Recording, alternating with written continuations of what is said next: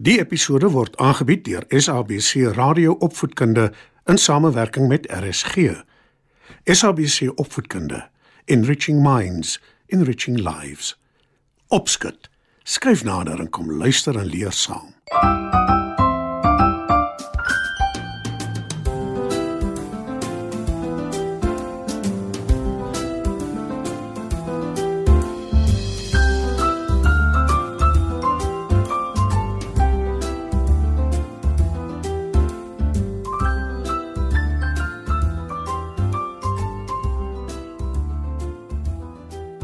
Goeienaand maats. Welkom by nog 'n episode van Opskud. Vanaand se storie is 'n bekende en beminde sprokie, Hansie en Grietjie. Maar voordat ek dit vir julle vertel, kom ons luister eers na musiek.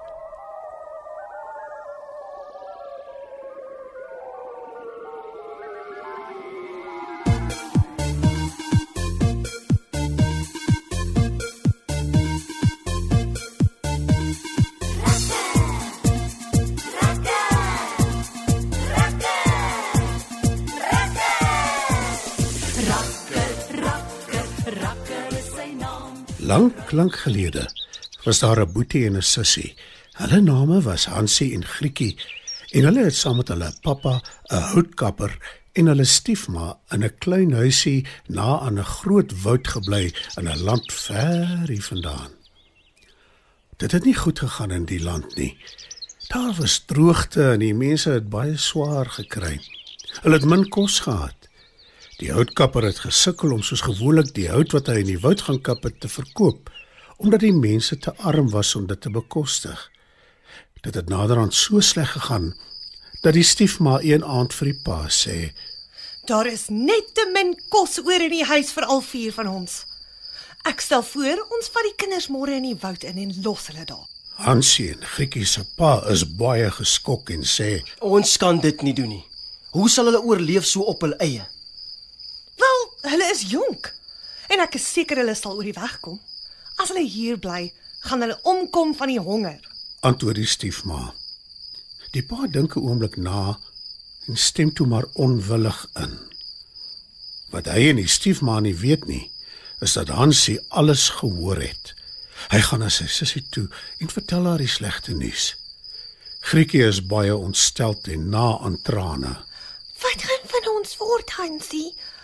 Ons kan nie alleen in die woud bly nie. Sê sy benoud. Maar Hansie troos haar en sê: Toe maar. Ek het 'n plan.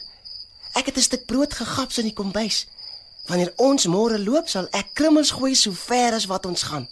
En dan sal ons ons pad terugkry huis toe. Grietjie voel sommer dadelik beter. En toe die volgende oggend aanbreek, loop sy en haar boetie gewillig saam met hulle pa in die woud in. Nadat hulle 'n hele ruk geloop het, verduidelik hulle hartseer pa vir hulle hoekom hy dit doen. Hy maak 'n groot vuur sodat hulle die aand veilig kan voel. Hy groet hulle en hy begin terugstap huis toe. Môreoggend volg ons die krummels terug huis toe, Grietjie. Jy moenie bekommerd wees nie. Sê Hansie en die twee raak aan die slaap. Vroeg die volgende oggend begin Hansie en Grietjie aanstap. Maar tot hulle skok, sien hulle geen broodkrummels nie. Voëls moes alles opgepik het. Roep Hansie. Die twee begin toe maar moedeloos aanstap verder in die woud in. Hulle is moeg en honger en weet nie wat vir hulle voorlê nie. Maar toe skielik sien hulle 'n vreemde huisie voor hulle. Die mure en die dak is van gemmelbrood gemaak. Roep Grietjie en Hansie voeg opgewonde by. En die vensters en deure van lekker goed. Die twee kan hulle geluk nie glo nie en hulle begin te smil aan die huisie. Maar toe skielik gaan die deur van die huisie oop en 'n nare ou heks verskyn voor hulle. Wat dink julle doen julle julle narre kinders? Vir wat eet julle my huis op? Die kinders skrik hulle boeglam. Die heks boener hulle in die huis in en sê vir Grietjie: Jy kan my huis skoonmaak. "Toe kyk sy na Hansie en sê: En vir jou gaan ek vet voer. Ek is lankal lus vir mensekind vleis. Sy gooi Hansie in 'n hok en sy sluit dit. Die sleutel dra sy dag en nag om haar nek. Arme Grietjie werk hard in die huis. Sy moet ook elke dag vir Hansie kos maak en vat. Intussen vrees hulle altyd die dag dat hy vet genoeg is sodat die heks hom kan opeet. Elke dag stap sy na die hok toe. En dan moet Hansie sy vinger deur die tralie steek sodat sy kan voel of hy al vet gevoer genoeg is om te eet. Maar Grietjie bedink 'n plan. Sy gee vir Hansie 'n hoenderbeentjie om deur die tralies te steek. Die heks kan nie baie goed sien nie en sy kom nie agter dat dit nie sy vinger is nie. Maar na 'n hele ruk raak sy ongeduldig en sy sê vir Grietjie: Dit lyk my nie die broer van jou wil vet word nie. Maar ek gaan nie langer wag nie. Sorg dat jy 'n vuur stook in die oond. Vandag is die dag wat ek hom gaar maak. Grietjie is veelste bang vir die heks om teen te stribbel en sy begin die vuur stook. Die heks kom elke nou en dan en kyk hoe dit vorder. Na 'n hele ruk is sy tevrede. Sy haal die hok se sleutel van haar nek af en gee dit vir Grietjie en sy sê: Maak oop die oond se deur dat ek kan sien en voel of dit warm genoeg is. En gaan haal jou broer uit die hok. Die heks staan nader en loer in die oond.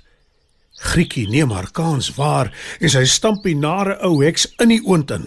En toe klap sy die oond se deur toe en sy sluit dit. Laat my uit! Laat my uit, jou ellendige kind! Skree die heks, maar Grietjie steur haar nie daaraan nie. Sy weet waar alles in die huis is en sy gryp die heks se kussie vol goue muntstukke. En toe draf sy na die hok toe en sy laat Hansie uitkom. Dankie sussie, dankie. Ek het geweet jy sal my red. Roep Hansie. 'n Swart kraai verskyn skielik en sê: Kom ek wys julle die pad huis toe. Hansie en Grietjie volg die kraai. En sommer gou is hulle by die huis. Hulle pa is baie bly om hulle te sien. Dankie tog, julle is veilig my kinders. Ek het so sleg gevoel omdat ek julle verraai het. Julle stiefma bly nie meer hier nie. Dis nou net ons drie. Ek wou julle juis vandag gaan soek het. Toe maar pappa, ons het self ons pad teruggekry. Sê Hansie. Grietjie wys vir haar pa die goue muntstukke en sê: Nie met leë hande nie. Ons probleme is verby. Die houtkapper omhels sy twee kinders dankbaar en hy beloof hulle dat niks of niemand hulle ooit weer sal skei nie.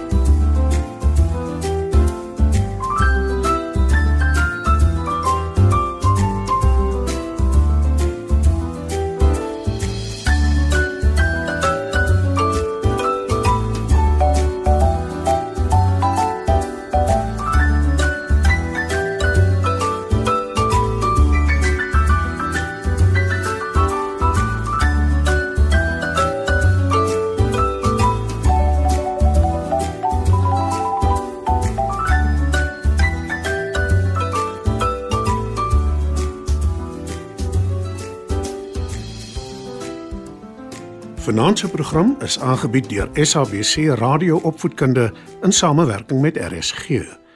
SABC Opvoedkunde Enriching minds, enriching lives.